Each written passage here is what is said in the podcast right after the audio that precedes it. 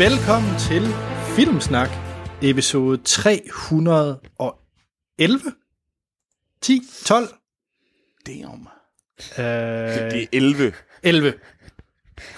Jeg, elsker, at du sådan, ef- efter 300, så kan du ikke tælle længere. Nej, nej, det er også et stort tal. Det er, det er et meget stort tal. Og øh, det er vi rigtig glade for at have været i gang så længe. Og øh, vi fortsætter egentlig øh, i det her afsnit, som vi, som vi plejer, som vanen tro, og vi anmelder, er det ugens aktuelle film, eller er det sidste uges? Det er jeg faktisk lidt i tvivl om. Ja, det er denne uges. Det er denne uges, og det er The Gentleman, som vi, øh, vi anmelder. Den seneste film af Guy Ritchie. Vi skulle egentlig have anmeldt øh, Onward slash Fremad. Og Troels, hvad hedder den på fransk? Øh, en avant. Fedt, det er altså faktisk den fedeste titel. Ja. Så vi skulle have anmeldt En Avant, men øh, den går først i næste uge i Frankrig. Så, Ja. øh, så det må vi have til gode. Altså, det er også, den er også i næste uge i Danmark. Det er ikke kun Frankrigs skyld. Jeg vil gerne sige... Nå, øh, ups. øh, jeg har faktisk Okay. forstå det. Det er faktisk hovedsageligt Danmarks skyld. Ups. jeg troede faktisk, den var udkommet. Nå, jamen, så kan I måske Nej. gætte jer til, hvad vi potentielt anmelder i næste episode af Filmsnak. Muligvis, ja. Øhm, vi skal også runde, hvad vi har set i ugens løb, og øh, da det er lidt corona-inspireret, tror jeg, i den her uge. Ej, der, der er lidt... Og det er ikke øh, jeg tror, vi har lidt... Øh, vi er gået lidt sygdom i den. Ja, ja. Så øh, det tror jeg også, vores film bærer præg af. Nogle af dem Jamen, i hvert fald. I, i Måske øvrigt, ikke dem fun fact, sammen. 38 procent af amerikanerne, de vil under ingen omstændigheder, og ingen omstændigheder købe en corona-øl.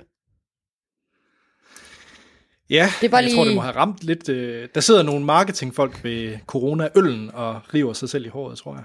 Uh, de, jeg, tror, de er, jeg tror, de er rimelig træt af den lige nu. Ja. ja. Eller, og den person, der har navngivet den til corona, den her virus. Ja, jeg tror, der er sådan et... For, for fanden kunne I ikke holde op med det. Uh, men man kan, altså coronavirusen, altså sådan som jeg, sådan som jeg forstået det, så er det jo, øh, det er jo familienavnet. Så det er jo ikke nyt, den hedder corona. Så det er jo, jeg vil jo påstå, at der var nogle marketingsfolk for noget tid siden, øh, da de ligesom pushede på corona-øllen, at de ligesom skulle have tjekket op på sygdommen. Okay. Jeg ved ikke, hvad der Så- kom først, sygdommen eller øllen. Det tror jeg er et meget filosofisk spørgsmål, vi må tage en anden dag. Altså, jeg tror faktisk, der er et reelt, reelt tidspunkt. Det kan vi jo spørge nogle lyttere om. Er, er lyttere, er der nogen, der ved, hvad kom først? Øllen eller... Corona, øh, coronavirus eller coronaøl? Øh, og så er der nogen, der sikkert kan sige, Troels, for, for fanden, du skal bare holde din kæft, fordi du sagde noget lort igen. Det er nok. Det, det er meget sandsynligt. Øhm, vi, vi skal også øh, runde lige at sige et kæmpestort tak til vores fantastiske lyttere. Og øh, de, de fantastiske lyttere, de har været gode til at skrive ind, baseret på vores øh, special i sidste episode, som var vores året, der gik, 2019. Der har vi fået nogle, øh, nogle lister ind, og jeg vil tage nogle af dem lige at tage her øh, i podcasten. Hvis I skulle have lyst til at skrive nogle spørgsmål og kommentarer, så kan I skrive ind til os på film, äh, podcast filmsnak.dk, og det var podcast filmsnak.dk. Det er så- fandme fedt, at de har skrevet ind. Det er super sejt, og øh, jeg glæder mig lidt til, at der er nogle film, vi ikke har- fik snakket om, men ellers er det, tror jeg, folk er meget enige i de film, der nu skulle være på en top 10. Nice. Uh, Troels, jeg kan først sige, at du står fuldstændig alene med din øh, franske animationsfilm. Det er fair nok, det er fair nok. Det, ved du, det kan, jeg- jeg kan godt acceptere, at jeg er lidt øh, fransk og lidt speciel. Jeg gik i gang med at se den i Nå. øvrigt, men den var bare alt for fransk. Fedt. Wow. Øhm, hvis I skulle øh, få lyst til at dele jeres lister øh, til andre lyttere, så er inde på vores Filmsnak klub på Facebook, der er det en gruppe, hvor vi diskuterer film og stiller spørgsmål til hinanden og kommentarer osv., så, videre, så det synes jeg helt sikkert, I skulle hoppe ind og, og kigge på. Og ellers er vi også bare at finde på de traditionelle sociale medier under Filmsnak. Ja. Så sidste ting, det er, at vi skal huske at sige kæmpe, kæmpe tak til øh, de folk, der fortsat støtter os inde på tier.dk. Og øh, det er en hjemmeside, Nemlig. hvor I kan støtte vores podcast med en lille mønt per episode. Og det hjælper os til at dække de omkostninger, der er ved at drive sådan en podcast her. Så hvis I skulle få lyst til det, så er det inde på tier.dk-filmsnak. Så kan I gå ind og, og støtte os med en lille mønt. Og som det er altid, absolut fantastisk, hvis I gad at gøre det. det. Det er virkelig det, der holder vores lille podcast op at køre. Og også sørge for, at vi kan lave andre ting. Nemlig. Og som altid, øh, tak til alle dem, der har valgt at give os en anmeldelse på iTunes, øh, Apple Podcast, øh, Spotify, hvor man nu end kan give os en anmeldelse. Det sætter vi stort pris på. Nemlig. Jamen, skal vi tage nogle øh, top 10'er? Ja, Vi lægger ud med øh, Mikkel Rasmussen, som skriver, Hej Filmsnak. hej Mikkel. Hej Mikkel. Det er den tid på året, hvor vi lytter kan sende vores liste over de 10 bedste film fra 2019, og I får min her. Nummer 10, en film, vi faktisk overhovedet ikke snakkede om, det var Toy Story 4. Ja, Ja, det er sandt. Den snakker vi ikke om. nej. Øh, Oscar-vindende animationsfilm. Ja, Ja, Ja. Det er egentlig dig, der, okay. må være, øh, der må være den største øh, Toy Story-fan her i blandt os, Anders. Hvorfor var den ikke på din? Ej, jeg vil faktisk... Øh, den var ikke på min, fordi jeg synes ikke, den er på niveau med Toy Story 3. Øh, men det, jeg faktisk vil sige med den, det er, at øh, i modsætning til Toy Story 3, så er det faktisk en film, der er ret se-venlig med en toårig. Så jeg har haft stor glæde af at opgradere min Toy Story 2 maraton. Jeg tror, jeg har set Toy Story 2 40 gange med Richard efterhånden. Så jeg er rigtig, rigtig glad for, at jeg nu kan opgradere det til Toy Story 4. 3'eren, den er ikke så god, fordi øh, den er lidt for voldsom til, til en er toårig. den det? Ja, det er den. Okay. Så, så, så, så det har firen for sig, at den trods alt er lidt mere øh, børnevenlig. Trods alt. Ja. Nå, øh, Mikkels nummer 9, det er Spider-Man Far From Home. Okay, ja. Ja. Nummer 8, Ford V Ferrari. Jamen, den, mange, det var også en af 66. mine bobler. Ja, den tror jeg, synes jeg egentlig også, vi taler lidt for lidt om. Fordi det er faktisk en rigtig fin film. Det ved jeg ikke, om jeg synes, vi gjorde. Da vi nævnte den ikke, så... Nej. det, altså. Jo, jo, jeg nævnte den Det- som en af mine bobler. Nå, det er rigtigt, ja. Nå, okay. Så har vi øh, Joker på nummer 7, 6, The Irishman, 5, 1917, 4, Jojo Rabbit, 3, Once Upon a Time in Hollywood, 2, Marriage Story, og nummer 1, Surprise, Surprise, Parasite. Ja. Det er jo det er ikke en helt ringe øh, liste, den der. Nej, nej. Så har vi øh, Julie Jensen, der siger, Hej Filmsnak. Hej Julie. Hej Julie. Endnu en gang tak for en god podcast. Øh, selvom jeg stadig lige skal vende mig til, at det ikke er hver mandag, I udkommer længere. Ja, Ja, sorry. Ja. Hun, øh, hun siger, at det for hende har været et rigtig, rigtig godt filmår i 2019. Så hun har haft lidt svært med at lave sin top 10. Hun har også sendt en top 23, kan jeg se. Så øh, ja. Nummer 10 på hendes liste, det er en film, vi overhovedet ikke snakket om. Øh, det er Extremely Wicked, Shockingly Evil and Wild. Den her film om... Øh, Ja, ja. Åh, jeg har selv set den. Hvad hedder den? Det er med, hvad hedder den? Zac Efron. Ted Bundy. Ted Bundy, ja, tak. Øhm, om ham her, den, den ret psykopatiske øh, morder, Ted Bundy. Øh, jeg, jeg var faktisk også vild med den. Mm. Så. Ja, nummer øh, 9, der er det faktisk Downton Abbey-filmen. Fedt. Ja, nummer 8, det er Joker. Og nummer 7, I Lost My Body. Ah, Yes! Boom! Redemption, Troels. Yeah! Ja, der fik du den franske animation. Den her Ja, det gjorde jeg. Ej. Ja. Nummer 6, Marriage Story. Nummer 5, 1917. Nummer 4, The Wild Pear Tree. The Wild Pear Tree. Den kender jeg ikke. Det vilde pæretræ. Ja. Uh, og jeg skal bare lige se, hvad det handler om. Okay. Nej, det siger mig absolut Pære? ingenting. Er Nej. mit bud? Uh, så tagline, det er, What the father keeps hidden is revealed in the sun.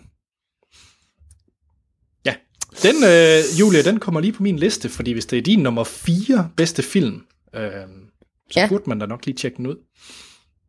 Nummer 3, Once Upon a Time in Hollywood. 2, Avengers Endgame. Yes. Og nummer 1, surprise, surprise, Parasite. okay, det, det er sgu, det er fair nok. Jeg, jeg, jeg er vild med listen. Ja, altså jeg tror, det er det første år i Filmsnaks historie, hvor at vi sådan ubetinget kan kalde, hvad er årets bedste film, når man samler lytter og værtslister. Ja. Ja, jeg tror ikke, der er så meget tvivl længere. Det er Nej. vist bare den. Ja.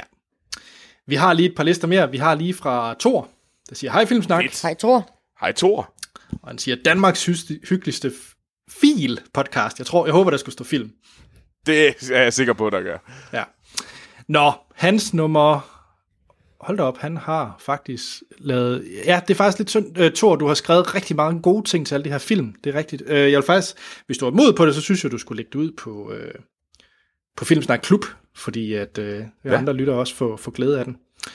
Ja, det ville være mega fedt, hvis du ville det, Thor. Ja, fordi han har en gode argumenter for alle filmene her, han har, han har sendt ind. Nummer 10, det er Uncut Gems. Ja.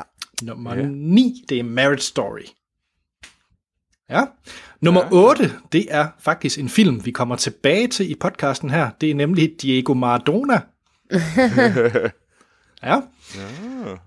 Nummer 7, Midsommer. Ja, 6, Jojo Rabbit. 5, 1917. 4, Knives Out. 3, nu bliver jeg troligt glad, Booksmart. yes. Og nummer 2, Parasite. Og etteren for Thor, det var Once Upon a Time in Hollywood. Okay. Den kan jeg så ikke lige øh, købe. Men, øh, altså, den kan jeg ikke lige være med på, men det er fair nok. Okay. Ja. Så har vi en liste, som... Øh, øh, ja, som, øh, nu skal vi... det, det er jo fra en lytter, og vi sætter stor pris for lyttere. Øh, der er bare lige to film på den, hvor jeg måske tænker... Virkelig? Men vi tager den. Okay, okay. Ja. Nej, det, er- det er jo, vi skal høre alle dage. Det, det er jo Bring it, super bring subjektivt. Ja, Mal, du er klar. Yes. Du er klar til din skuds, eller hvad? Nå, men det er øh, fra Theodor. Hej, Theodor. Ja, fedt. Hej, Theodor.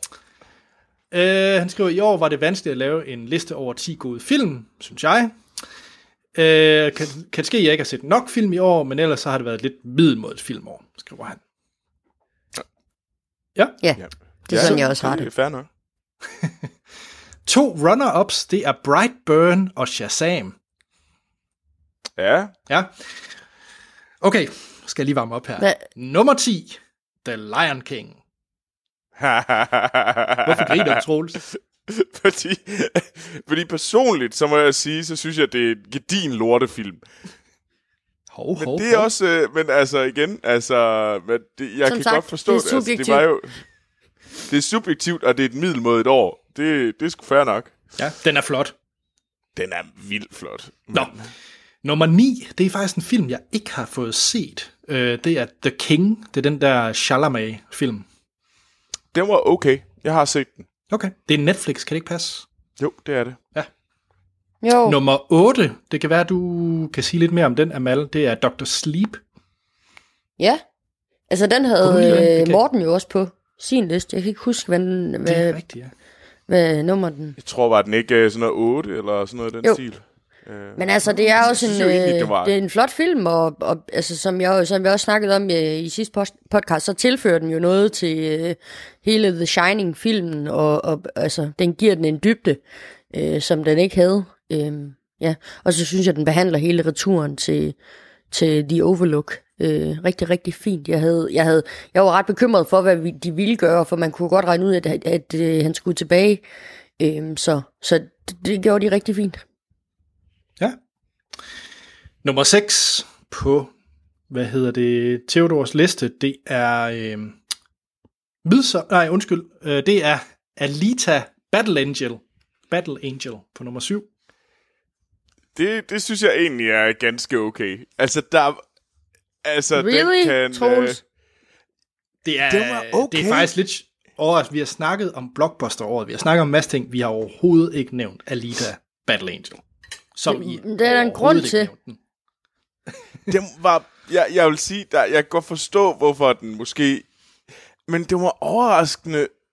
Den var ikke så dum, som jeg måske havde frygtet. Nej. Altså, jeg, Jeg vil ikke påstå, at den er great, men altså, jeg vil påstå, at den er, den er i hvert fald bedre end Løvernes Konge. Og det, det kan man jo også se, det, det siger listen også. Så du er enig. Jeg er enig. Ja. Nummer øh, 6, en fremragende film, Midsommer.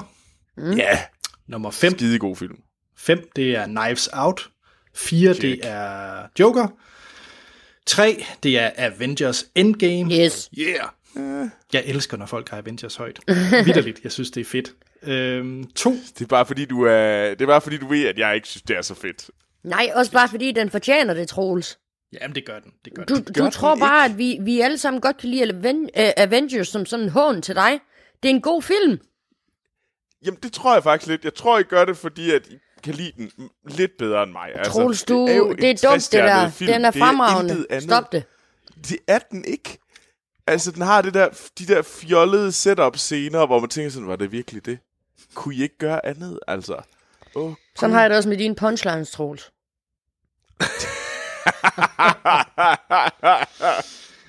Yes, Okay, jeg tror, vi må hoppe, øh, hoppe videre. Øh, hvad hedder Theodors nummer 2, det er Jojo Rabbit. Mm. Og nummer 1, overraskede mig, øh, at den øh, lå så højt. Jeg synes, det er fedt. Det er The Lighthouse. Ja, Nice. Det er også en fed film. jeg havde den også i top, Underlig. top Det er det. Film. Ja, altså, det, altså Anders, han, øh, han nægtede jo, fordi han, den var for uhyggelig. Den var for effektiv, så derfor ville han ikke have den på hans liste. Den gjorde bare ting ved mig, jeg ikke har lyst til at tænke på igen. Den fik dig til at tænke på måger. Ja. ja. Jeg synes, vi skal videre til den sidste liste, jeg, jeg har taget med ja. Her i dag, fordi at vi kan jo ikke have en, øh, en liste, uden at vi også lige har vores jingle-mester nummer et, nemlig Torben Bensens liste med. Uh, Yes. Og Torben skriver, Hej Anders, Troels og resten af Filmsnakholdet. Hej, Torben. Hej Torben.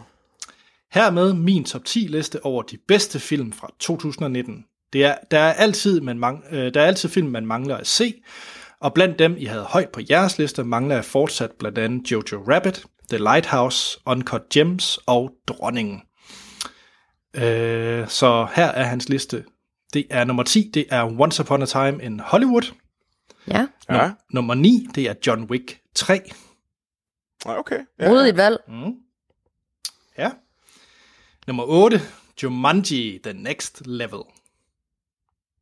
Altså, jeg skulle lige til at sige, at da du sagde modigt valg, jeg sagde, det er jo klart den bedste blockbuster, der har været i år. Det er jo øh, øh, John Wick. Øh, og så kommer, så kommer, hvad hedder det, Jumanji lige bagefter. Den, den er jeg måske ikke helt så glad for. Men, altså, det, dammit. så tæt på. Så har vi øh, Claus som nummer 7. Ja, Den har jeg desværre det er ikke en fået ret set. fin film. Jeg har det er ikke en fået fin den film. Det er den der, det er den der animations julefilm, ikke? Ja. ja. Så nummer 6. Jeg er næsten ked af at sige det, fordi det er I Lost My Body. Yes! Ja. Victory!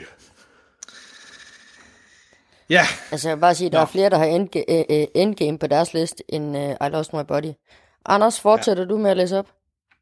det gør jeg. Nummer 5, det er Booksmart. Nummer 4, det er Missing Link. 3, det er Parasite. 2, Joker. Og nummer 1, 1917. Ja. Ja. Det var alle lister. De var, de var gode. Lad os hoppe til set siden sidst. Og øh, Yeah. hvem vil lægge ud?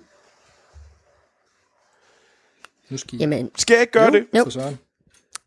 Fordi jeg synes faktisk, at øh, jeg, øh, jeg, skulle, jeg har set en film, som jeg synes, vi har manglet at snakke om. Det, er- der har været gode grunde til, at vi kan snakke om. Men det, vi har simpelthen... Jeg har været inde og se Birds of Prey and the Fabulous Emancipation of One Harley Quinn. Øh, som er den nye titel. Som, er det en lang titel? Ja. Nej, men også den nye, øh, ikke? Og ja, den, den fik jo en ny titel, der bare hed Harley Quinn Birds of Prey, fordi at øh, de fandt ud af, at der var ingen, der gik ind og se den, fordi what the fuck is Birds of Prey? Øh, og det kan jeg måske godt nok godt forstå. Øh, men den her film, det er, hvad hedder det, der har vi Harley Quinn, øh, kendt fra Suicide Squad. Øh, vi har Margot Robbie tilbage som Harley Quinn. Og, så, og hun var jo kæreste med Jokeren. Og det hele starter ud med, at hun er ligesom... Øh, hende og Jokerens forhold er slut. og så starter der en hulens masse øh, skidt op. Og så er der den her øh, gruppe af andre kvindelige øh, helte, som ligesom må slå sig sammen. Og det er sådan et... Øh, en gruppe af misfits, og øh, som kæmper mod den her øh, crime lord, øh, som øh, er spillet af ingen ringer end Ewan McGregor.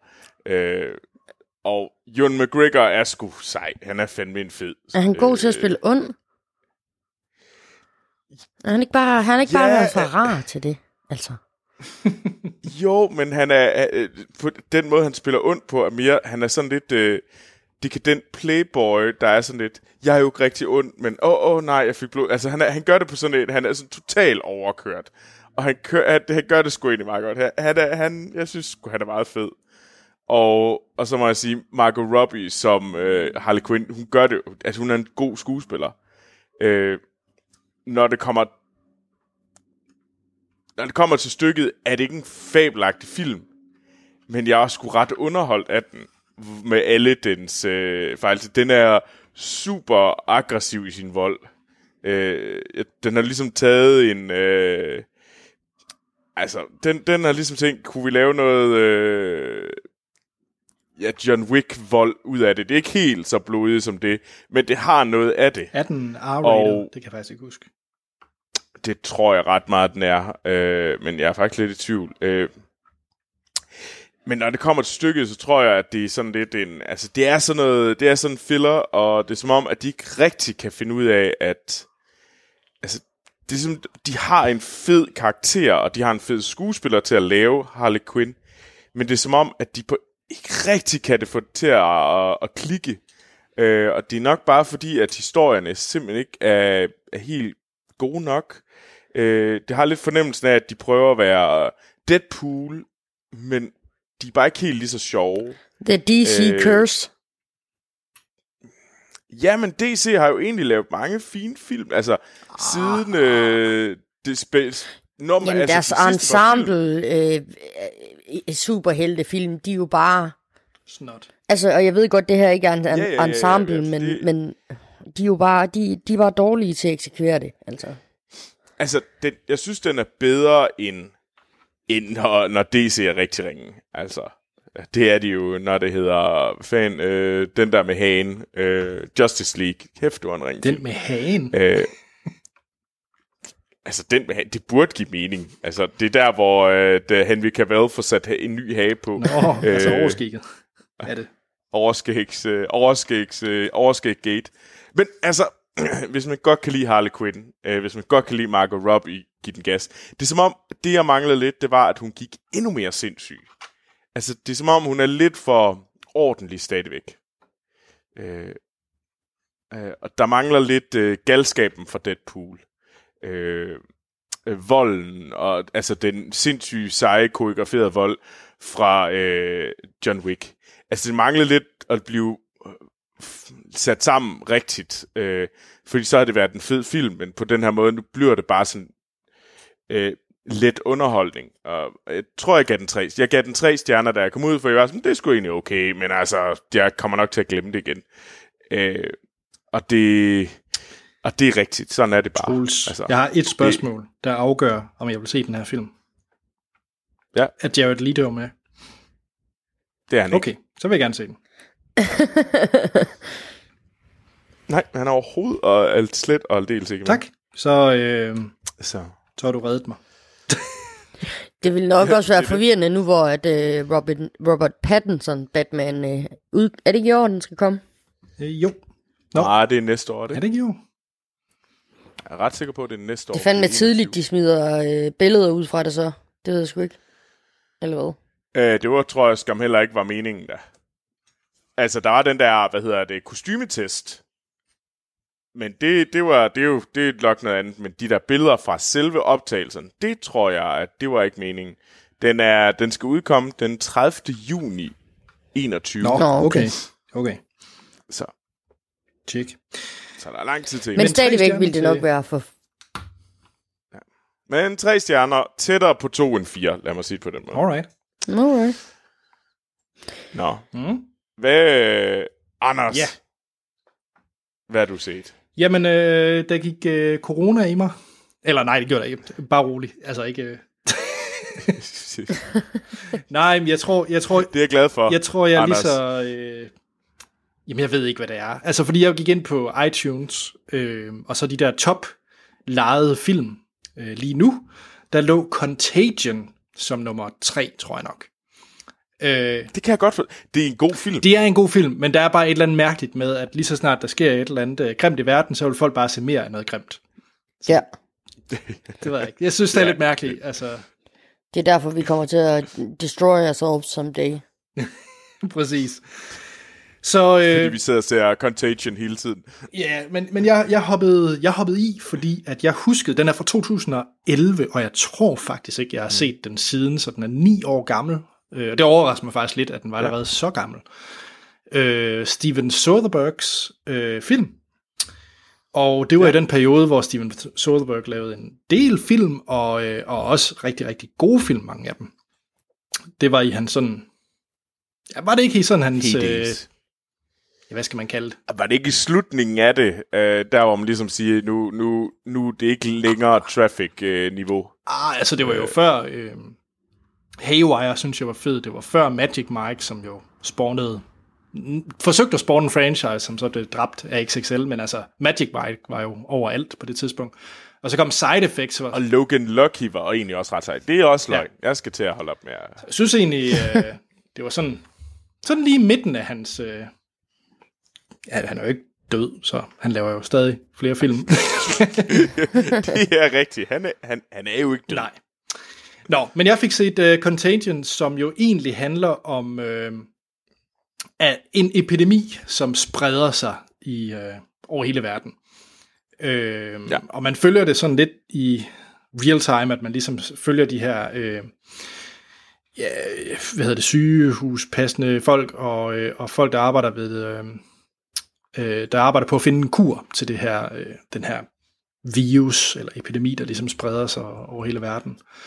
Og det er med et ret fedt cast egentlig. Øh, Jeg havde faktisk ikke glemt castet, fordi det er med øh, Gwyneth øh, Paltrow i øh, hovedrollen. Altså den er lidt sjov, fordi den er delt op. Man følger øh, flere forskellige karakterer øh, på samme tid. Så det er Gwyneth Paltrow, det er Matt Damon, øh, du har også Jude Law og Lawrence Fishburne, øh, for at nævne nogen. Har I set den? Ja, også for nylig. Jeg, jeg hoppede også i, øh, i, hvad hedder det... Den ligger højt, den må jeg hellere se. ja, ja. Altså, jeg, øh, jeg synes faktisk, det er en mega fed film. Øh, Jeg, var- jeg havde faktisk glemt, hvor, hvor egentlig, hvor sej den egentlig er, og jeg elsker Jude øh, Laws karakter øh, specifikt, synes jeg faktisk gør det enormt godt. Øh, Ja. Altså, jeg synes virkelig, det var en, det var en fed film. Øh, og en film, jeg egentlig ikke synes, man har set så mange af, sådan noget, det bliver hurtigt sådan noget, altså sådan en film bliver- ender typisk i noget zombiefilm øh, når det er noget med en virus, der spreder sig og sådan nogle ting. Så bliver det enten The Happening eller zombiefilm. Øh, ja, og jeg synes faktisk, den er den... Jeg vil ikke kalde den realistisk, det er den jo ikke, men jeg synes faktisk, den giver et ret interessant billede af, hvordan man prøver at stå sådan en epidemi øh, ned. det er vel de mest realistiske film, jeg har set. Altså, ellers havde vi Outbreak, og der er jo det... Gider du godt at lade være med æber. at sige noget grimt om Outbreak? Det er fint nok, at Contagion er en fin dårlig. film, men Outbreak er også en fin film. Jamen, det er det. Jeg tror, jeg vil, jeg vil vælge Contagion over Outbreak, også i realisme. Ja, Det ved jeg godt er måske Ja. unfair. jeg har ikke set uh, Outbreak, så det skal jeg ikke kunne sige, men uh, What the dealio, Anders. jamen, det vil jeg så gøre nu, Amal. Ja. Øhm, Amal, har du set The Raid? Jeg, jeg har stadigvæk kun set toren. Så synes jeg bare, at øh, du har mandat. Skal, du skal har vi lave en bytter? Okay, det er i orden. Jeg vil påstå, at The Raid er en fucking federe film end Outbreak. Det er, da heller ikke, det, det er heller ikke det, der er en konkurrence om. Det er et spørgsmål om, at vi skal se to film, vi kan se det. Jeg, øh, Ja, okay. jeg tror, jeg vil give Contagion 4. Øh, vildt godt Ja. underholdt. Det, øh, jamen, jeg, jeg har, altså, jeg tror måske negativt, det er, at jeg synes faktisk, den, jeg ved ikke, om du har det på samme måde, Troels, jeg synes måske, den til tider tangerer til at være en lille smule 90-agtig, selvom den er i fra 2011.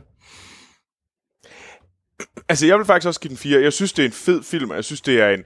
Det, jeg synes, der måske er problematisk med det, det er, at den i håbet om at være sådan, vi prøver at lave en realistisk historie om, hvad der sker, altså, altså føles realistisk, at de på en eller anden måde misser, at der ligesom er for mange historier.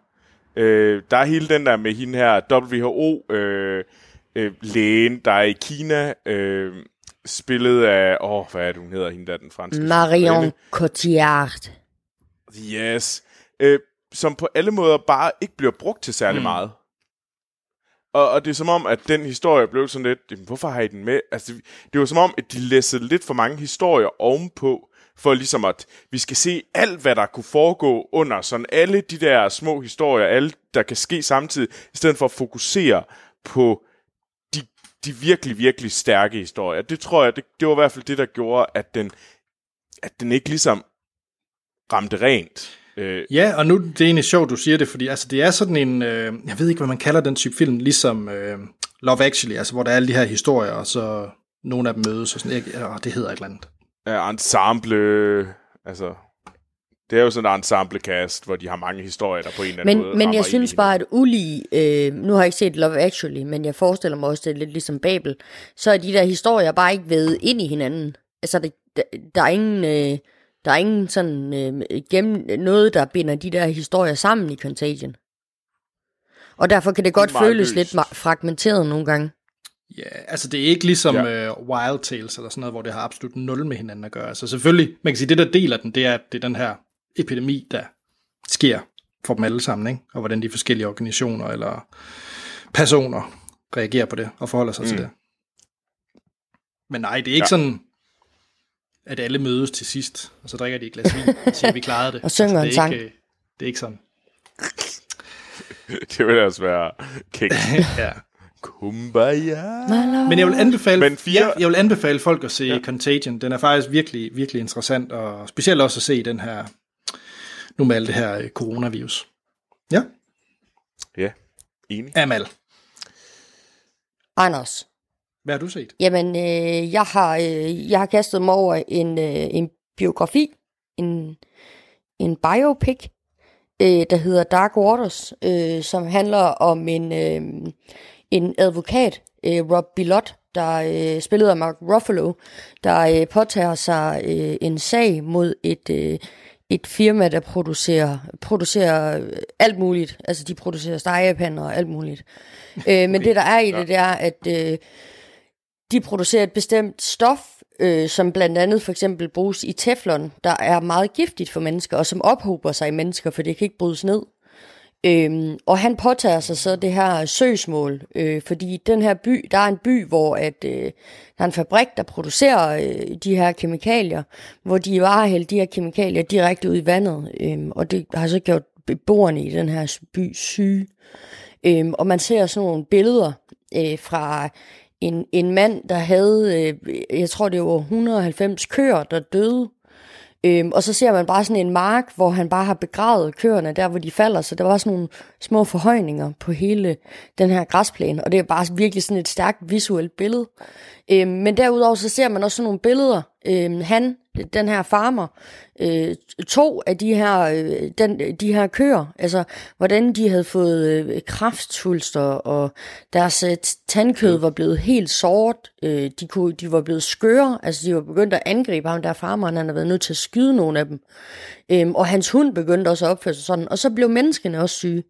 Øh, så han påtager sig den her opgave øh, mod det her medic- eller ikke medicinalfirma, men med det her firma, øh, som eksisterer i dag, øh, og som stadig producerer de her ting. Øh, jeg, og så var jeg sådan inde og læse om det bagefter, og det, altså de, øh, det, er lidt ligesom, øh, det er lidt ligesom sådan nogle syntetiske stoffer. Jeg ved ikke, om I har fulgt med i, øh, i diskussionen om dem. Men, men et syntetisk stof, det, øh, det kan jo godt være lovligt. Øh, fordi lige så snart, at, øh, at et syntetisk stof bliver ulovligt, jamen så tilføjer man bare en, jeg ved ikke, hvad man tilføjer, en eller anden, et eller andet på Ja, kæden, så- sådan at det er, egentlig bliver til et andet stof, selvom det i basis var det samme stof som tidligere. Øh, så de kan blive ved med at øh, bruge de her kemikalier. Og problemet er, at øh, de her, det her firma, det, det var egentlig deres forskere, der vidste mest om de kemikalier. Altså myndighederne øh, kendte ikke til dem, så de vidste ikke, øh, hvordan de interagerede med mennesker, eller altså, så de havde ekspertisen på området, og de havde lov til at regulere sig selv. Altså det var det mest fucked up ved det hele. Ja, okay. Så det her det er ikke en feel-good movie, fordi at øh, jeg kom i tanke om, jeg har teflon på, på mine stegepander. Men Det har jeg, det har jeg også. Ja, Det tror jeg også, jeg har. ja, ja. Men det er ikke mine stegepander. Nej, Haha, ha, ha, ha. nej, det er det ikke. Men du Amal, jeg, af jeg er meget, øh, faktisk utroligt solgt på det, du siger, for det lyder meget som sådan noget, jeg, jeg vil lappe i mig. øh, Egentlig. Ja. Og, og det, den her film egentlig også illustrerer, det er, hvor lang sådan en kamp den kan vare, øhm, og hvor svært det er at få bugt øh, med, med de her firmaer, der, der jo i, i stor udstrækning, i hvert fald øh, øh op igennem, øh, op indtil øh, nullerne, har haft mulighed for at svine, som de havde lyst til. Også i Danmark, altså no- nogle steder, ikke? ja. Har, har, Amal, har du set Michael Clayton? Mm, nej. Åh, oh, den skal du se. Det er del med en Ja, god film. altså hvis du kunne lide, hvis det kunne lide Dark Waters, det, det lyder som du kan lide, Det kan jeg. så burde du se uh, Michael Clayton. Det er en... F- det er lidt over i den samme. Det er bare set uh, fra en lidt anden vinkel, end uh, det er set fra en anden advokats uh, vinkel. Uh, på noget af det samme. Det er så ikke en sand historie, men det, det er fandme en fed film. Okay. Hvis man lige sådan noget, så skal man se Michael Clayton. Men Amal, hvad vil du give uh, The Dark, Dark Water? Jamen, øh, ja, Dark Waters, jamen, øh, jeg vil give den øh, fire stjerner. Øh, Okay. øh, Også, altså, fordi jeg har, jeg var også inde og læse noget om, hvor, hvor god han har været til at, altså, hvor god de har været til ligesom at portrættere de virkelige begivenheder, og det har de været, øh, altså, de har nailet det. Så øh, hop på den og se den, den er super god og, og frygtelig. Og det er ikke Ja, Dark okay. Water Altså- med Jennifer Connelly fra 2005. Nej, Hvad er der egentlig sket Ej. med, der, med Jennifer Connelly i dag? Åh, Apropos. Amal, nu skal jeg simpelthen lige... Øh, der er også Dark Waters fra 93, der er en eller anden nonne horrorfilm. ja, ja, øh, var det ikke den der, øh, men der, der var jo sådan en japansk en på et tidspunkt. Okay. der hed Dark Waters, med Sarah Michelle Gellar, er det ikke? Nej, det er The, The Grudge. Der er en eller anden, der hedder Dark Waters med et eller en eller anden japansk film også, en horrorfilm. Er jeg ret sikker på. Okay, men det er i hvert fald den fra 2019, instrueret af Todd Haynes, vi snakker om. Lige som også instrueret Carol og I'm Not There. Ja. ja. Den skal jeg se. Solgt, solgt, kæmpe solgt. Troels, Troels? Ja, kan du også øh, sælge, Altså, altså, jeg- jeg... øh, sælge os på en film? I, jeg, har, været- jeg har jo sådan lidt... Øh, altså, den film, jeg så... Øh, det, jeg er også blevet lidt inspireret af corona. øh, og det er lidt... Øh, du sagde det meget korrekt, øh, Anders. Inden så blev det Happening, eller så blev det Zombie. Så jeg gik Zombie. Jeg gik selvfølgelig World War Z på den. Yes.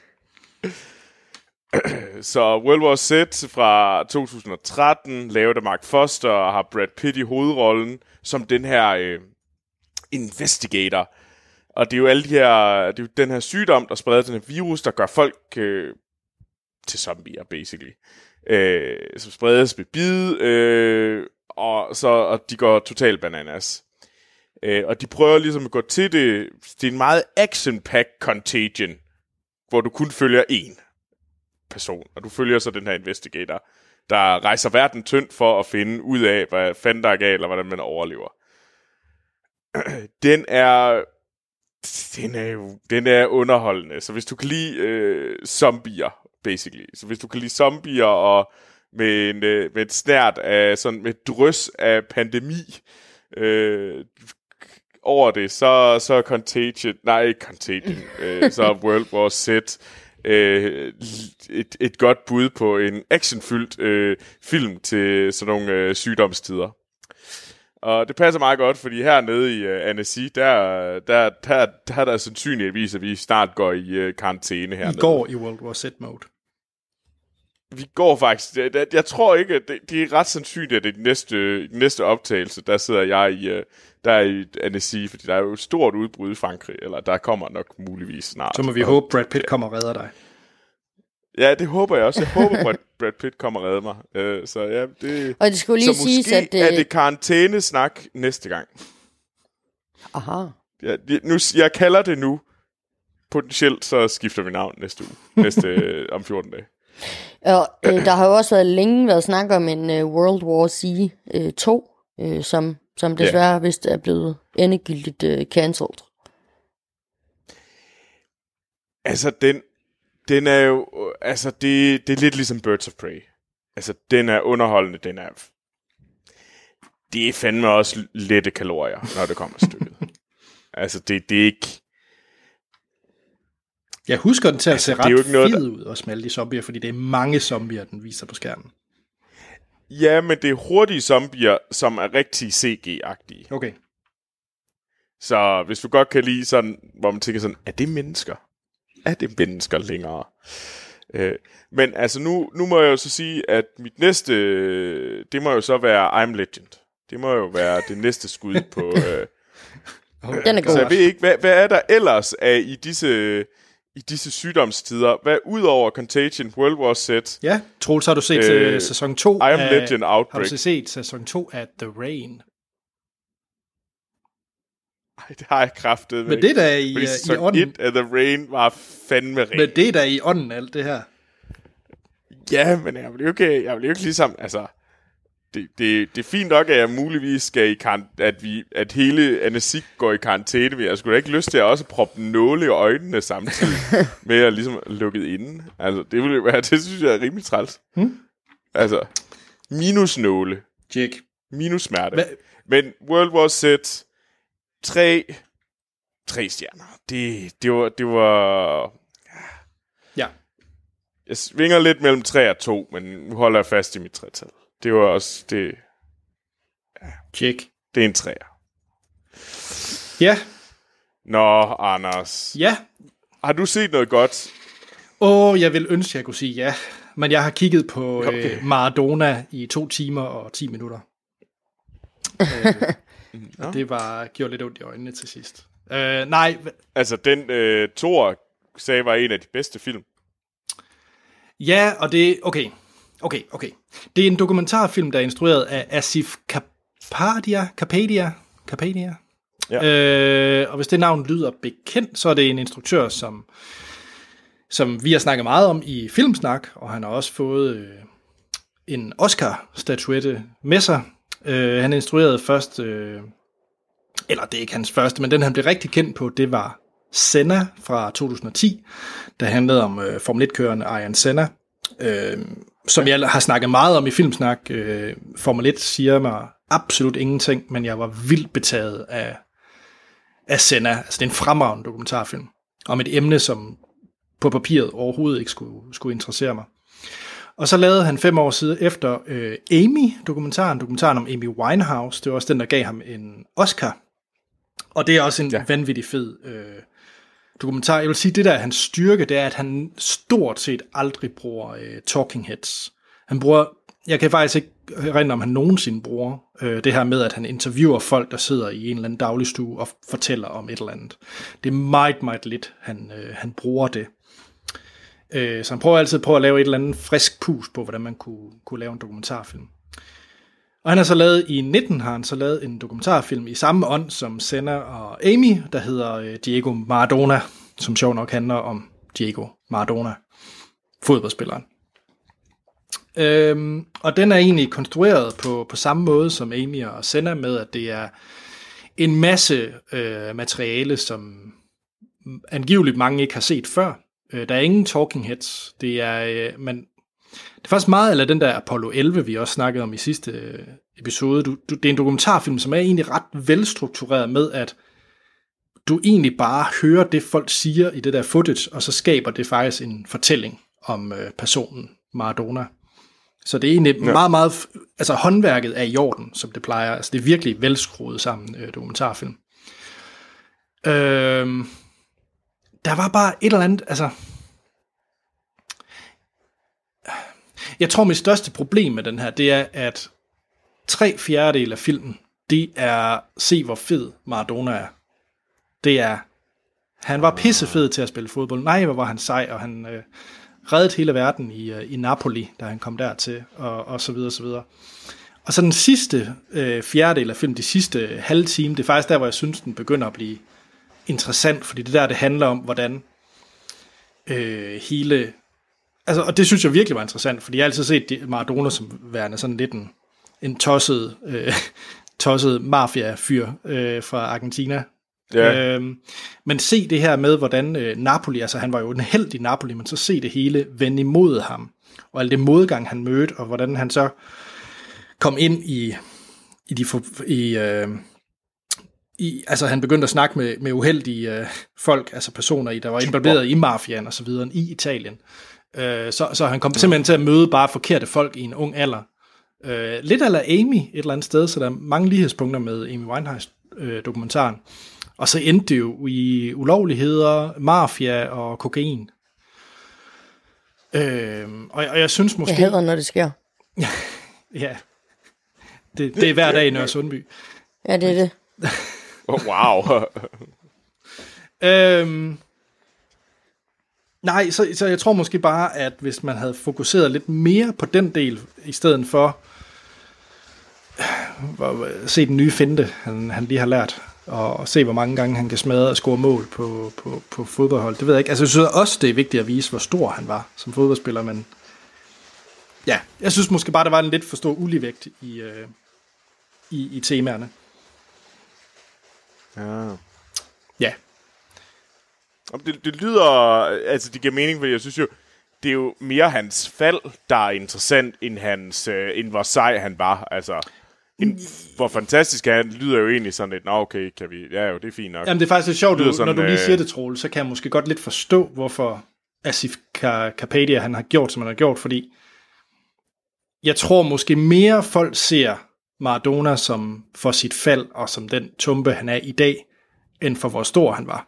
Hvor modsat Amy Winehouse måske, så tænkte mere også, okay, hun var faktisk også en virkelig, virkelig god musiker, som så skete sådan og sådan. Så det kan godt være, at han havde brug for at lige minde folk om en ekstra gang i den Hvor fantastisk han er. altså okay, hvor god ja, han ja. egentlig var. Fordi et eller andet sted, når jeg sådan ser tilbage på det, så jo, så havde jeg måske faktisk lidt negligeret, hvor stor en fodboldspiller han egentlig var. Så Ja, okay. ja, øh, jeg giver den øh, tre stjerner. Hvis det var en hver anden, der havde lavet den, så havde den fået fire stjerner. Øh, men fordi det er Asif og, og det bagkatalog, han har, så, så havde jeg nok forventet lige en my mere. Så. Men det er et vanvittigt godt håndværk. Så hvis man er bare en lille smule interesseret i fodbold, og specielt Maradona, så skal man selvfølgelig se den her. Det er klart. Ja, Ja, okay. Så ja. Du har ikke solgt mig, Nej, Heller ikke mig. bare for at sige. nej. Men Amal, så sælg os på Ja. den sidste. Og det ved jeg, du kan. Jamen, øh, jeg har været en uh, tur på DR2, øhm, og set Nej, det har du øh, faktisk en ikke. lille... Det, det har du faktisk ikke. Nu skal jeg lige være på det 19. DR1? Nej, det er på DR2 DR2. Plus? DR2 Plus. Ja, sorry. Vores, vores Okay. nye DR2 Plus. Øhm, og jeg set en lille dokumentarserie, kan man vist kalde det, der hedder Cornflakes med lort og død ved kølle. Humoren, der formede dig. Øhm, og den handler om, øh, om det vanvid, øh, der var øh, på DR2 satire, øh, da Michael Bertelsen, øh, han var redaktør for det. Og med vanvid, så mener jeg, øh, så mener jeg ting, som vi alle sammen elsker og har grint af øh, utallige gange. Altså de, øh, de, de serier, der er med der i, det er sådan noget som Kasper med Drillertalen, øh, Banjos Likørstue, øh, det er Drengene fra Angora, det er øh, Dolph, øh, hvad hed den serie overhovedet? Det, det, det er mest Dolph, man kender derfra. Wolf, øh, ja. Ja. Ja. Ja. Hed det bare Wolf Morgenthaler? Nå, det kan jeg ikke huske. Øhm, og så øh, tæskeholdet. Så hvis har jeg vist Og mandril. Og så Gramsespektrum selvfølgelig. Det Og mandril. bedste af det hele.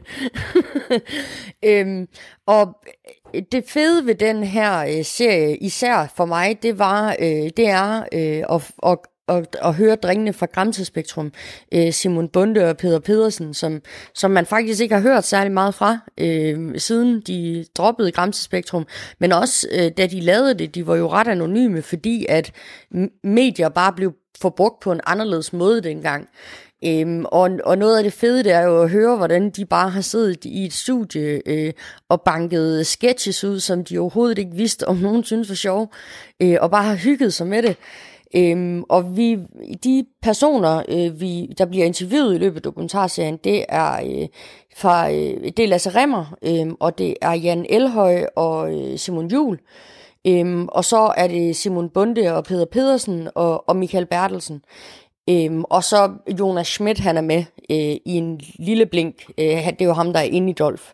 Og Øh, men så und... Hvad? Lars Hjortshøj. Åh, oh, jeg Lars Hjortøj, ham glemmer jeg.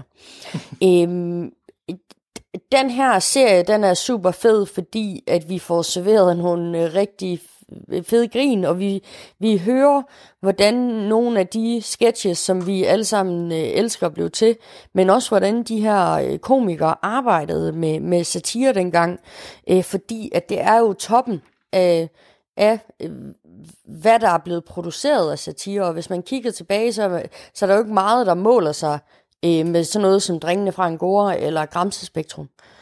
Øhm, det, der er lidt et minus ved serien, det er, at øh, vi hører så meget fra Lasse Remmer. Fordi han kan godt lide at smage på sig selv. Han er simpelthen så selvfed. Der er sådan øh, en sketch især, som drengene fra Angora laver, som minder om noget, øh, han lavede øh, i, i Kasper og Drillaftalen. Og jeg tror, for sagt sådan 10 gange, at øh, det er jo den samme sketch. Det var bedre. Eller det er den samme sketch. Det var bedre produktionsværdi. Altså virkelig sådan, så han bare får penslet ud, at, øh, at drengene fra Angora måske har lavet sig inspirere af, af, af mandrillaftalen. Men, men en super fed serie, fordi at vi får som sagt serveret nogle af de her grin. Øh, Simon Juhl og Jan Elhøj. Øhm, og især at høre fra Michael Bertelsen, fordi det er jo under hans øh, øh lederskab, at de her øh, mennesker, de har fået lov at gøjle øhm, og lave de her ting, som, som jo er fuldstændig fantastiske. Øhm, og en ting, jeg også vil tage med dig, eller lige fortælle jer, det er, øh, man hører fra et tidspunkt fra Michael Bertelsen, som jo også har lavet satire. Han lavede de uaktuelle nyheder, for eksempel, øhm, hvor man hører fra ham, hvordan han har lavet telefonfis med hans forældre, mm. øhm, da han var barn. Øh, fordi at hans forældre var midt i en grim skilsmisse, og de ville ikke tale med hinanden.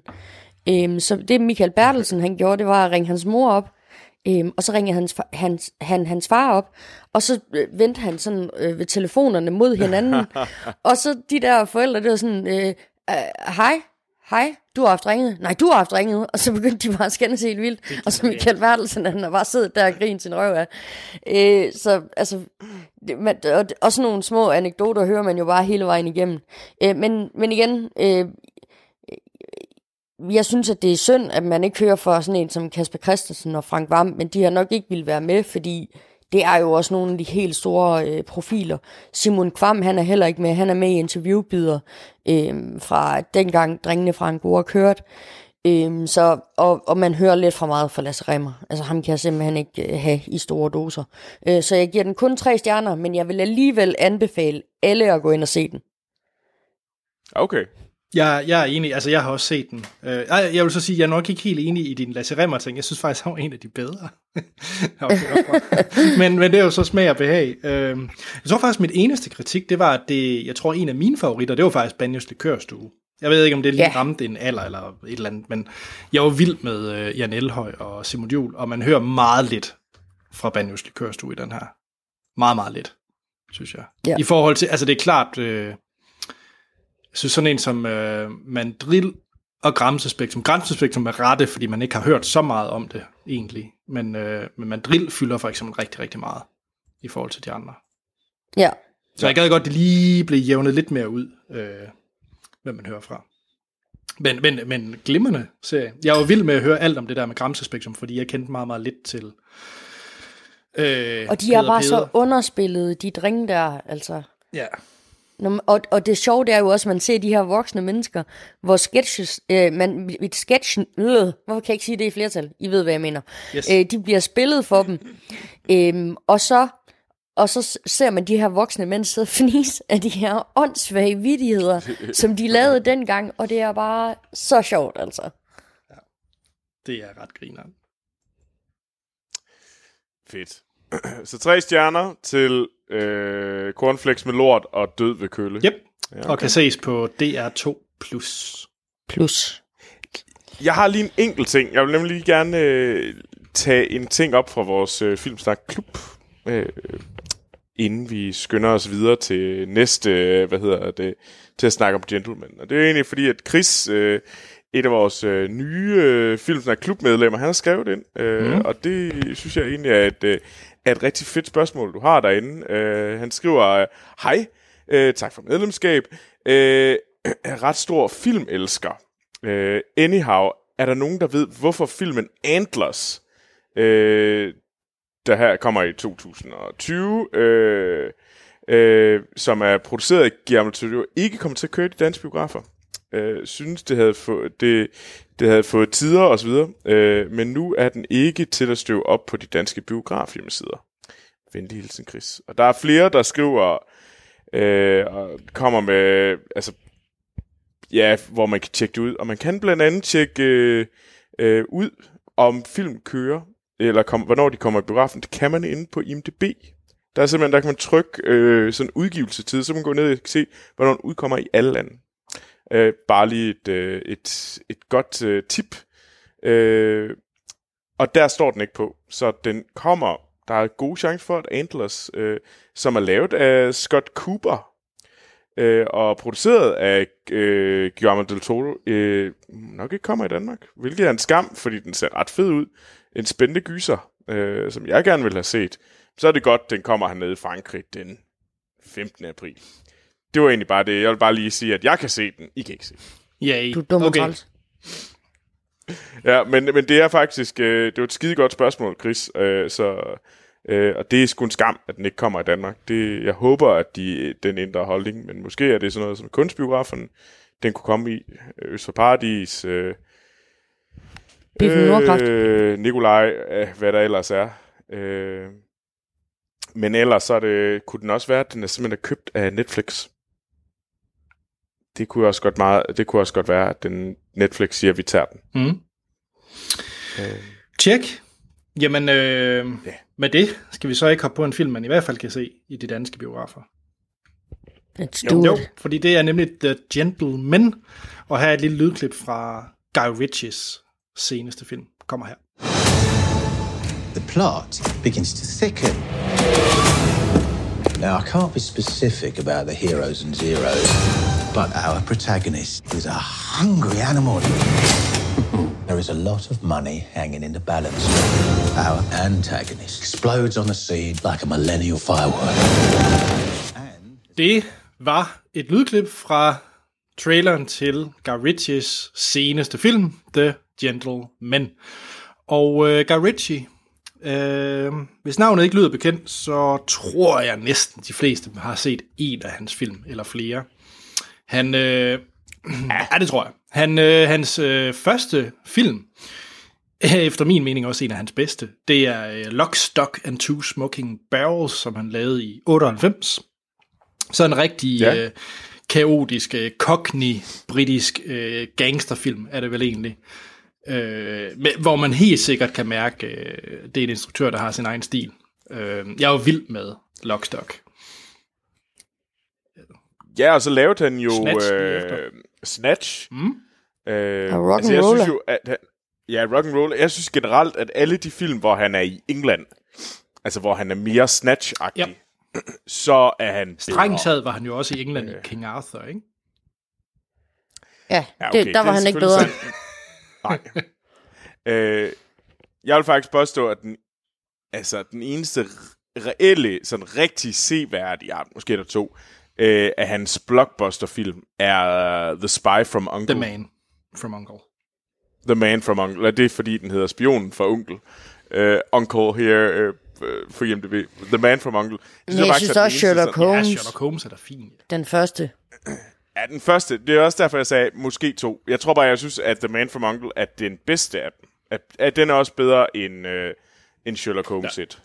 Men han har jo faktisk... Det er bare fordi Sherlock Holmes 2 er er fandme den. øhm, Han har jo så lavet hans største blockbusterfilm, uden tvivl, var jo faktisk sidste år, hvor han lavede Aladdin for Disney. Ja. Det var fandme ring. Ja. Ja. Øhm, ja. Hvad hedder det? øh, Den måde, vi kører vores øh, anmeldelser på, det er, det skal jeg lige huske at sige, det er, at vi skal nok lade være med at spoil filmen. Vi kommer kun til at fortælle øh, handlingen, man vil kunne se i traileren til filmen. Så giver vi en karakter fra 1 til 5, og så afslutter vi podcasten, og så spoiler vi løs derefter. Yes, den er øh, skrevet og instrueret, den her selvfølgelig af Guy Ritchie. Øh, han har stjålet coveret for Kingsman, men det er nok ikke hans skyld. Og så øh, er det et ret vildt cast. Ja, det er et godt øh, britisk øh, cast med et, øh, et drøs af Texas. ja, det er nemlig øh, Matthew McConaughey i, øh, i rollen som øh, Mickey Pearson, som jo er sådan en... Ja. Øh, han har sådan et, hvad hedder det, øh, has-imperie, er det vel egentlig. Og så har... Pot Imperie. Hvad siger du? Pot Imperie. Pot-imperie, tak. Og så har Det var du glad for, at du kunne få lov til at sige, var du ikke? Nej. Eller... Det ved jeg ikke. Og så har vi hans, øh, hans partner, som er spillet af hende der fra Downton Abbey, Michelle Dockery. Er det ikke Mary, ja. Hun spiller? Øh, Jo. Rosalind. Nej, jeg mener i... Jo, Nej, nå, altså der, i, øh, igen, Downton. i Downton Abbey, jo, der er hun ja. Mary. Og så har vi en... Øh, ja, det er jo for øvrigt en af mine skuespillere, som virkelig har vokset på mig, hver gang han laver en film nu. Og det er Hugh Grant, øh, som, som spiller øh, sådan en øh, detektivtype, der hedder Fletcher i den her film. Hvornår begyndte det at dreje, vende? Hvornår gik du fra, er fra hate to love? Eller fra det ligesom, nu, nu er bunden ramt? Der har sikkert været en film... Ej, der må have været en film før. Øh, det kan godt være, at jeg lige skal hoppe ind på. Men altså, jeg var jo vild med ham i... Øh... Var, han var også med i The Man from Uncle, var han ikke? Der var han nemlig også ret fed. Jo, det var der han nemlig. Fed. Det, øh, der var han super Ja. fed. Øh, og så Paddington 2 er han jo fuldstændig fantastisk. Ja. Øh, Altså, jeg synes faktisk, at det, at den, det begynder at vende i uh, The Man from Uncle, men altså Paddington 2, altså ja, han er så god. satan den. også. Det, det er helt vildt. Ja. Nå. Er der, jo, der er selvfølgelig masser, jeg har glemt, fordi udover det, så har vi selvfølgelig også øh, Colin Farrell i øh, rollen, som bare hedder Coach. Det kan vi måske komme mere ind i spoiler, specifikt hvad det er, han render og laver. Og så har vi Charlie Hunnam, Ja. for, som, Ham kan jeg altså også ret godt lide. Altså, der er et eller andet... Altså, det er sgu ikke alt, hvad han rører ved, der er godt. Altså, nu kigger jeg bare King Arthur, Pacific Rim. Klarer jeg slet være med. Men altså, han, han er jo... Han er sta- der er stadigvæk et eller andet. Han er sgu stadigvæk ret fed. hvad har han lavet? Der er et eller andet. Han- Det jeg ikke helt forstår. at han er faktisk ret god i The Lost City of Set. Det kommer ikke udenom. Han er jo med i Sons of Anarchy, så hvor han skulle være ret, virkelig, virkelig god. Ja, det er Øh. Okay. altså, jeg tror, at det... Jeg, jeg, jeg tror ikke, du skal være så, øh, hvad hedder det, så negativ over for ham. Altså, jeg har set Kong Arthur, og jeg har set den her. Undskyld, jeg- nu kan jeg faktisk se en på rollelisten, hvor jeg faktisk synes, han var virkelig, virkelig god. Jeg så jo uh, Papillon, Nå, uh, ja. remaken. Den var jeg vild med, og jeg synes faktisk, han var rigtig, rigtig god i den. Så det tager jeg faktisk tilbage. Ja, vi det, se. det tager jeg tilbage. Oh, og så fordi, at uh, der skal gå total uh, TV2 i os, så skal vi jo også lige have en lille smule halvdansk skuespiller. Okay. Fordi at vi har jo vores, øh, han er jo kendt fra Succession, Jeremy Strong, som også er med i den her film. Øh, og han bor i Danmark. Bor han i Ja. Danmark? Han er total øh, københavner hipster. Okay. Hvorfor bor han i Fordi han har Danmark? en dansk kæreste, der hedder Emma. Hvorfor ved du det her, Anders? Fordi det er, Han er en fanboy. jeg, øh, jeg tager bare den der sådan TV2-segmentet på mig. Så jeg skal vide sådan noget. Wow. Ja. Godt. Oh my god. Ja, er der mere, du vil vide om Jeremy Strong? Nej, nej, nej, nej det, jeg, jeg er bare sådan lidt, øh, jeg, jeg er sådan lidt fascineret af, at du, at du ved det, fordi det plejer at være mig, der, er, øh, mig, der ligesom er gossip girl. Øh, men du er jo Hollywood- du er Hollywood s- Uh, undskyld, undskyld. Danmark, dansker gossip, det kender jeg Det- ikke. det er mig. Nej, det er jeg for fint til. ja, du er så provinciel, Anders. Ja. Nå, jamen, øh, det er jo en... Øh, jamen, åh, hvordan skal man næsten starte det her? Det er en Guy Ritchie-film. Øh, Ja. han er tilbage i det britiske segment, trods alt. Øh, okay, skal jeg starte med, skal vi tage... det, det er mere rock and roller end det er, hvad hedder den, øh, øh, ja, øh, Aladdin. Korrekt. Der er mindre genie i den her, det er rigtigt. Wow, Troels. Hvis det er det pæneste, vi kan sige også, så... Øh, Okay, okay, okay. Vi starter lige med forventningerne. Amal, du, øh, hvad er den sidste Guy Ritchie-film, du kunne lide? øh, det er faktisk et, øh, et godt spørgsmål. Det er nok Sherlock Holmes. Så dine forventninger til, til den her? De lå på et meget lavt sted. Fordi jeg, også fordi, øh, du ved, jeg var sådan lidt irriteret over, at jeg skulle se den her.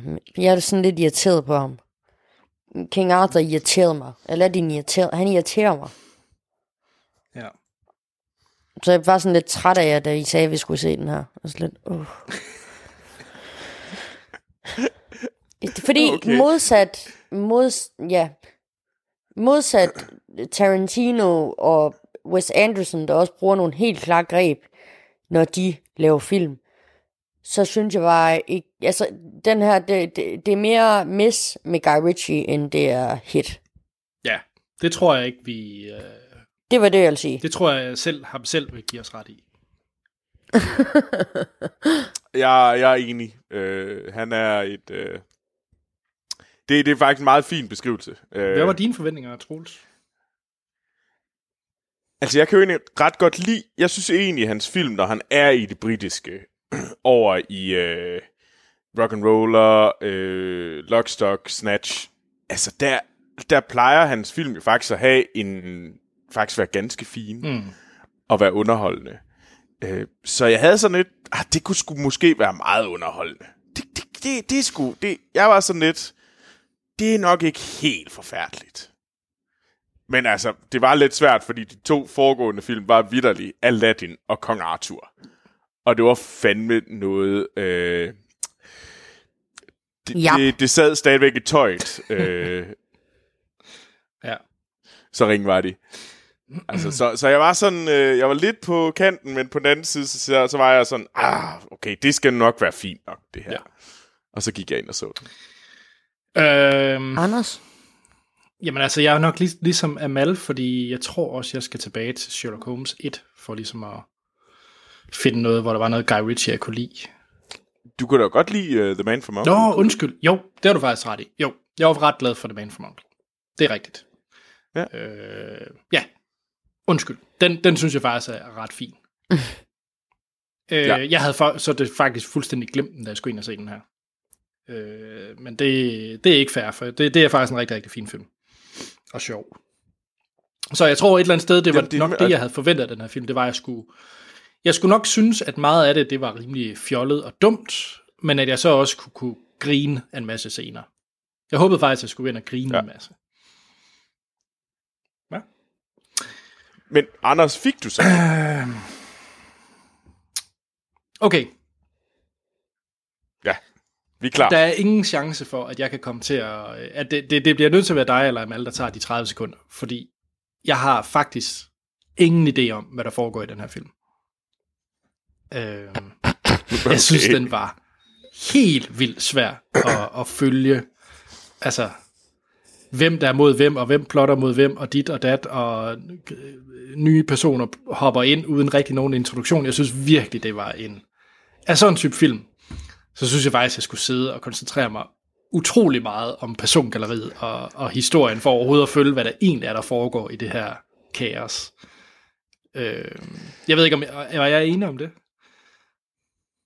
Ja, Det, det er en rodet film. Det, det tror jeg ikke. Altså, den er, der, er- der sker mange Ja, ting. det gør der altså. Det, øh, jeg skulle også lige ind på, på Wikipedia og læse sådan en plot summary for at se, øh, om jeg lige huskede alle tingene. Og der var to, to linjer, hvor jeg bare tænkte, skete det? Det kunne jeg overhovedet ikke huske. Og det kan jeg sgu meget godt. øh, men jeg må så sige, altså jeg synes, det var faktisk fedt at se sådan en som øh, McConaughey i en rolle, hvor han bare har det sjovt. Altså han lignede en, der bare hyggede sig i, i den rolle. Øh, og det synes jeg egentlig, man kan sige om mange skuespillere. Det så egentlig ud til, at det havde det fedt og sjovt. Øh, Ja. jeg synes måske bare ikke rigtigt, jeg griner særlig meget selv, når det kom til stykket. Jeg synes, altså, jeg synes så, han slappede noget mere af med hans øh, hurtige klip og slow motion, trods alt. Sandt. Øh, nej, jeg synes, jeg synes faktisk ikke, det var en god film.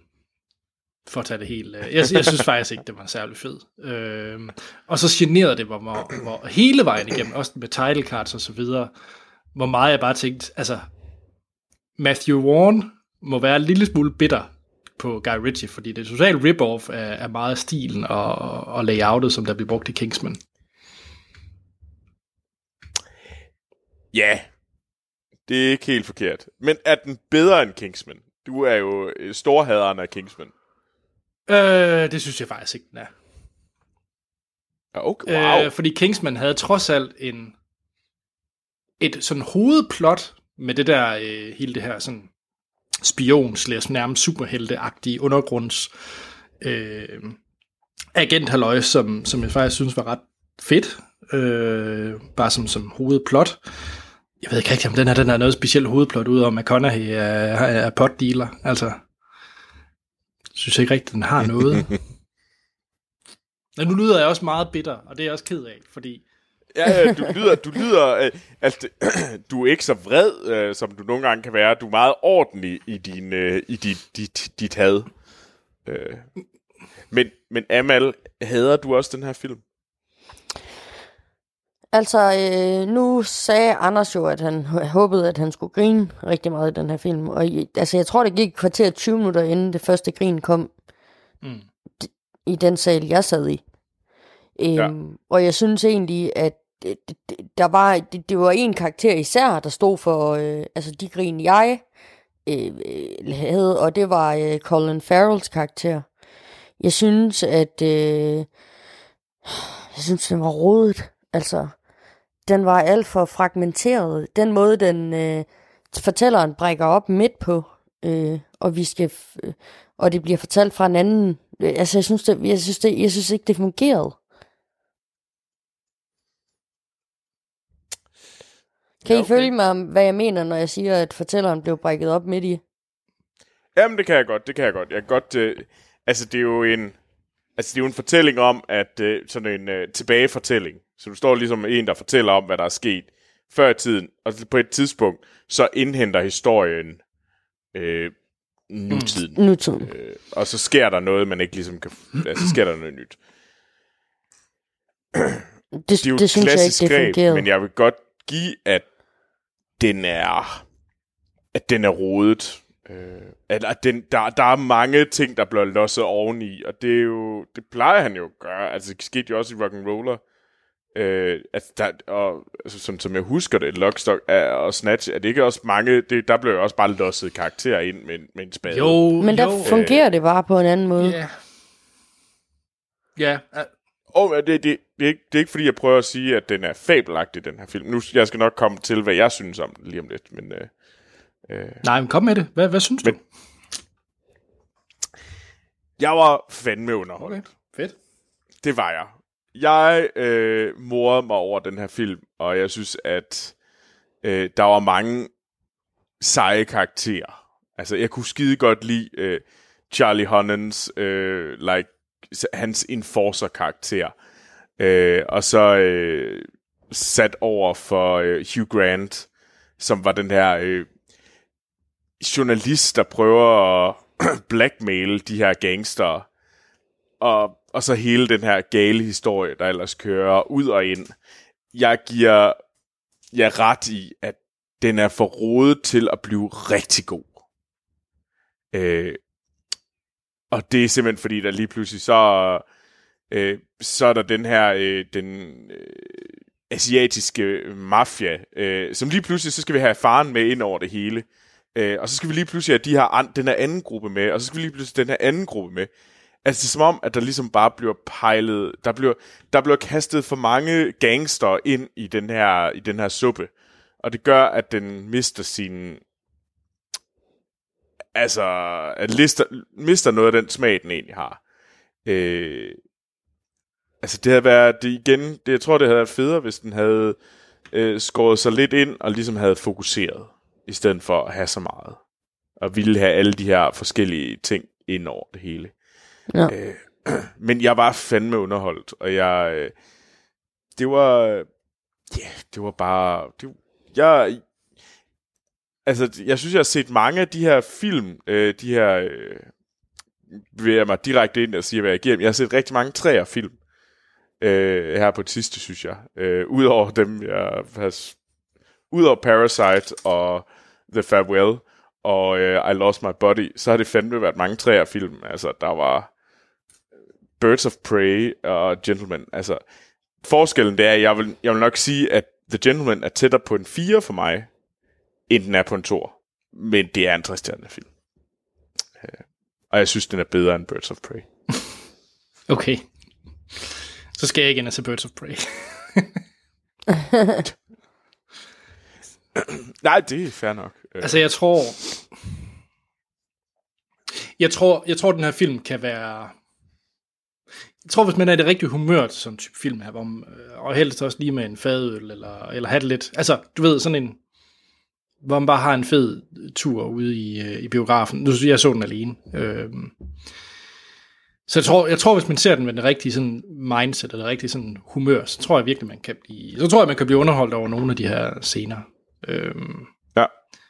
Men for mig, altså jeg, jeg er flink ved, ved at give den et total. Fordi, nej, men, øh, jeg synes ikke, det er en etterfilm, fordi jeg synes trods alt, at øh, jeg både Hugh Grant, Det synes jeg også ville være Ja. hårdt. Altså at sige, at det er en etstjernet ja. film, fordi den er jo ikke forfærdelig. nej, nej, den er, da, den er milevidt bedre end øh, Kong Arthur og, øh, og noget af Åh. Guy Ritchie, hvor det er værst, ikke? Altså, så er det faktisk rigtig, rigtig, altså, man kan mærke, at han er mere på hjemmebane her, end han har været øh, i lang tid. Øh, ja. Og så synes jeg også, at skuespillet er, er vildt sjovt. Altså igen, McConaughey og Hugh Grant.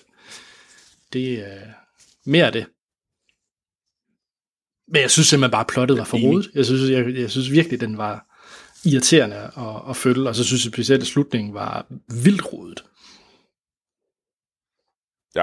Ja. ja jeg, jeg, jeg køber, fordi jeg havde også en god øh, biograftur, da jeg var inde og se den. Det var hyggeligt, da jeg var... Jeg kom fra arbejde, jeg havde brug for, jeg havde brug for lige præcis det her. Mm. Øh, og det fik jeg. Jeg fik det. Øh, og det var fedt. Okay. Øh, så derfor tror jeg også, jeg ser den mere positiv, end jeg I gør. Jamen Mal, vi har faktisk ikke fået din karakter. Er noget, du skulle tænke over? Ja, altså... Jeg sy- altså, det, som sagt, den her, den her, den, den, den, den, var for rodet til, at jeg sådan for alvor morede mig i den. Øhm, ja. Jeg synes ikke, den var sjov nok. Øh, og altså, jeg synes faktisk, at Gud bedre det, King Arthur var en bedre film end den her. Okay. Øhm, ja, så, det sådan en oplevelse havde jeg. Øhm, så altså, jeg kan ikke give den mere end to stjerner, og den her film, den har ikke gjort mig mindre irriteret på Guy Ritchie. Tjek. Troels. Er du med på, at vi hiver den ned til to stjerner? Altså, det synes jeg jo ikke rigtigt, jeg er. Nej, men Altså, jeg det er dig, jeg der synes ikke- må... Jeg synes ikke, Jeg- det her det er en jeg to-stjernet husker- film. jeg Jeg, husker- synes, det er unfair at give den to. Jeg husker, at Anders han har måttet øh, bukser, og du har sgu mobbet ham i stor stil bagefter. Ja. Det vil jeg ikke engang bede dig om. Men nu har du set bare- frem til det her, Anders. Nu har Mal og jeg begge givet den to. Øh, Ja, jeg synes, det... Det er jo ikke en to-stjernet film. Det er jo bare jer, der er... er du, får- du får så ikke overbevist om andet. Nej, det gør du virkelig ikke. ah, synes jeg er fest. Ja, men du har selv lavet reglerne. Er det, er det nu, at Troels han skal sige det her, øh, er, eller er det nu, øh, Troels han skal sige, The Gentleman er en to-stjernet film? Det synes jeg faktisk, det er. For... Ah, Fuck ja. Ud med det. Ud med Oh. The Gentleman er en to-stjernet Yay! Yes! film. Oh. Åh oh, ja. Oh. Skal vi ikke, øh, i stedet for at snakke om noget positivt, og det er de ting, som vi faktisk ser og ser for tiden, som øh, det kan være serie, som ja, det er faktisk kun serie, medmindre man er i gang i en film, man er, er stoppet midt i. Så hvad er det, vi ser for tiden? Amal, hvad synes du, der er mega fedt, som du ikke kan slippe lige nu? Altså, øh, selvfølgelig Picard kommer max, øh, men det har jeg snakket om før. og så øh, The Walking Dead er jo startet op igen, øh, og det bliver ret spændende. Mm. Øh, fordi det er den sidste sæson, hvor, øh, hvad er det nu, hun hedder? Hende der også er med i Black Panther. Den er, øh, jeg kan ikke huske, hvad hun hedder, men hende der, øh, The Warrior.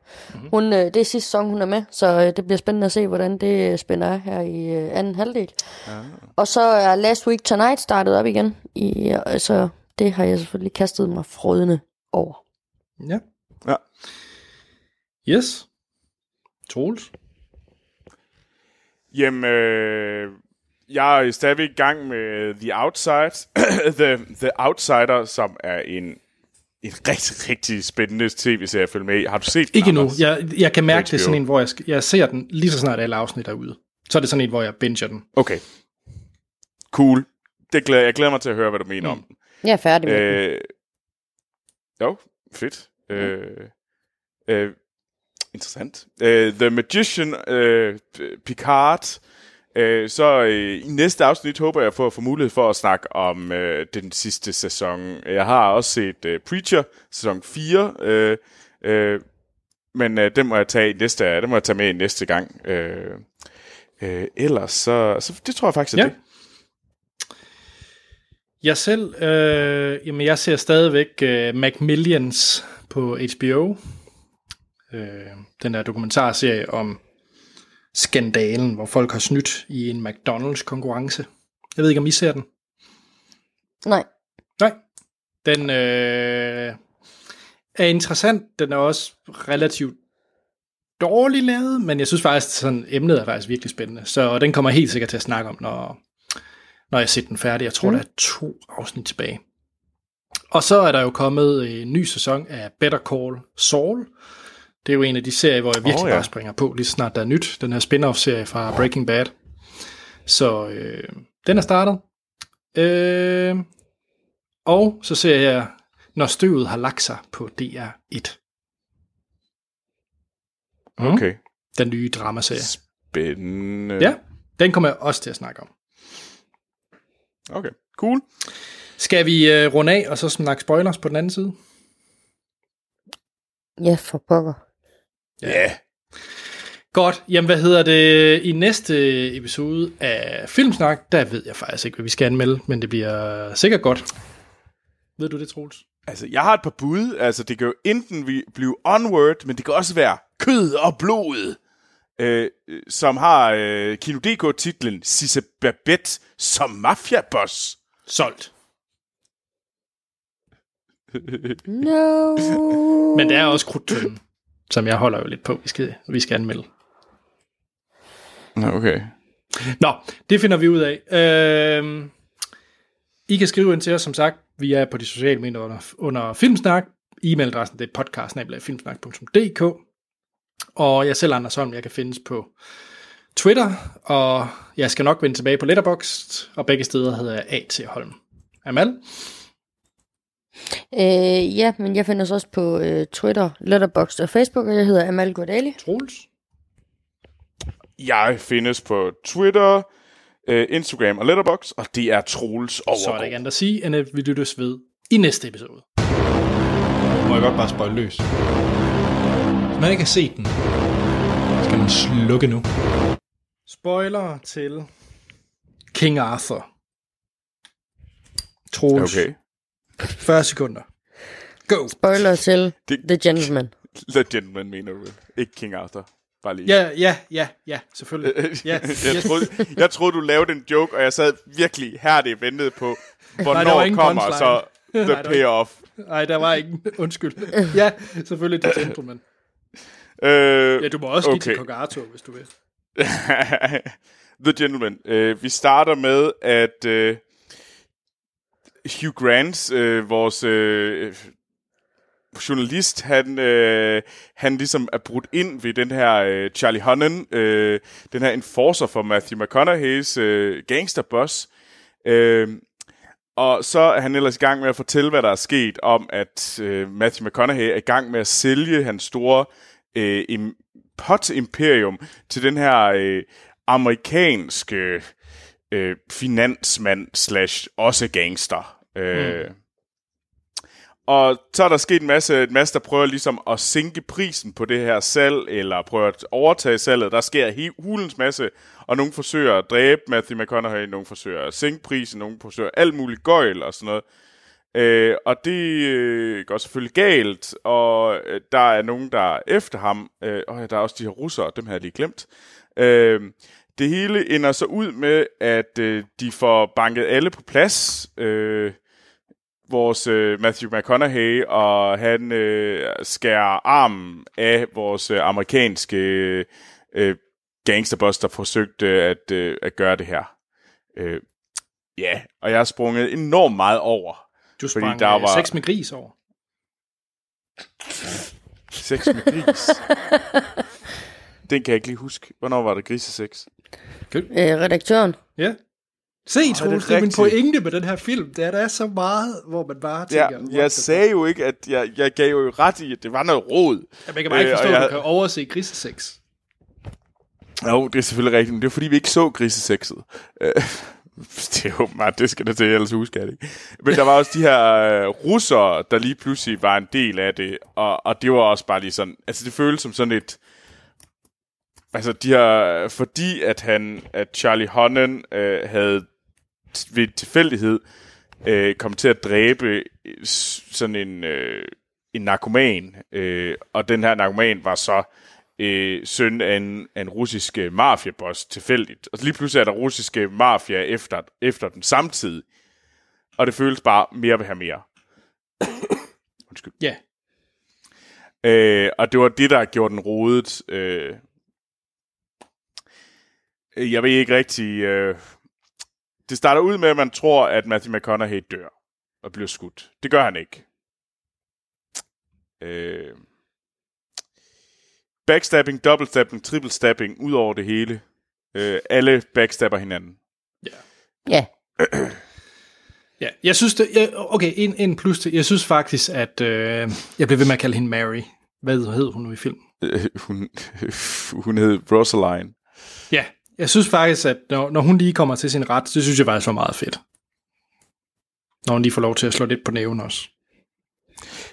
Jamen, hun er ret fed. Altså, øh, Michelle Dockery er sådan virkelig... Hun er god til at spille den her isdronning. Øh, som er sådan lidt, nu tager der kræfter med sammen, og er du klar til at gøre, hvad der skal til, og sådan noget. Hun gør det ret fedt, men igen det der med, at hun, hun har ikke tid nok. Øh, og det samme øh, Matthew McConaughey og Colin Farrell, de har ikke tid nok, fordi vi skal altså også lige høre om ham der, øh, øh, Dry Eyes, ham der, den, øh, Nå, øh, den kinesiske gangster. Ja, kinesisk, ja. Øh, og så, så skal vi også lige have alt mulig historie om ham, i stedet for, altså det føles som om, hvorfor er det I ikke, altså, det synes jeg er det største problem. Det der med, at de egentlig har mange seje karakterer, men fordi der er så mange seje karakterer, og der er ikke nogen af dem for, for ordentlig tid, så bliver det hele sådan lidt, det ved jeg,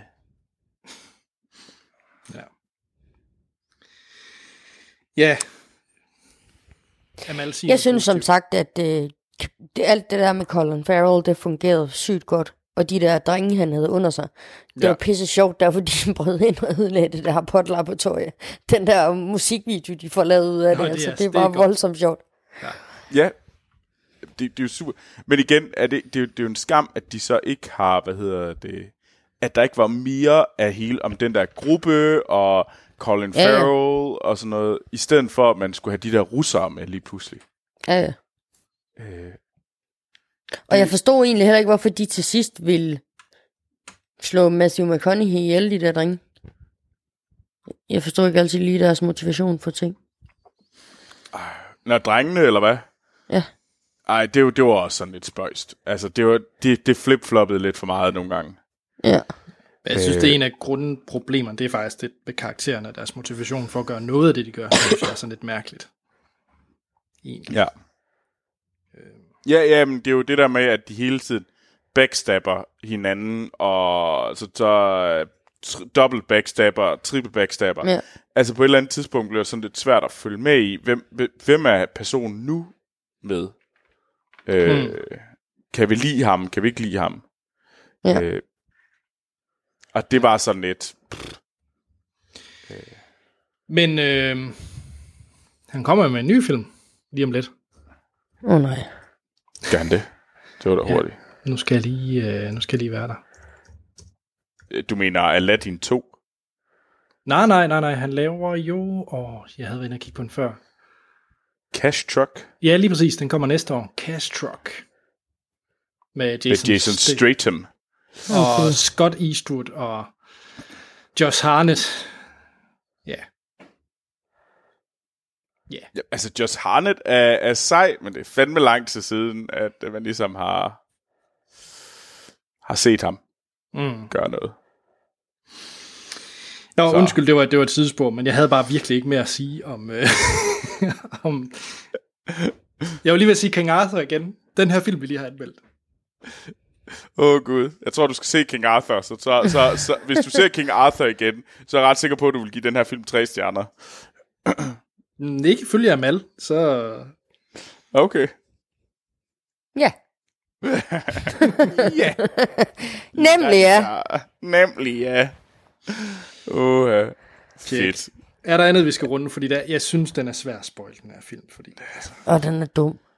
Der sker meget, og de er rigtig, de springer på hinanden hele tiden. Uh, ja. Så er det, de er alle sammen lidt skurkende lidt hele tiden, og ikke rigtig.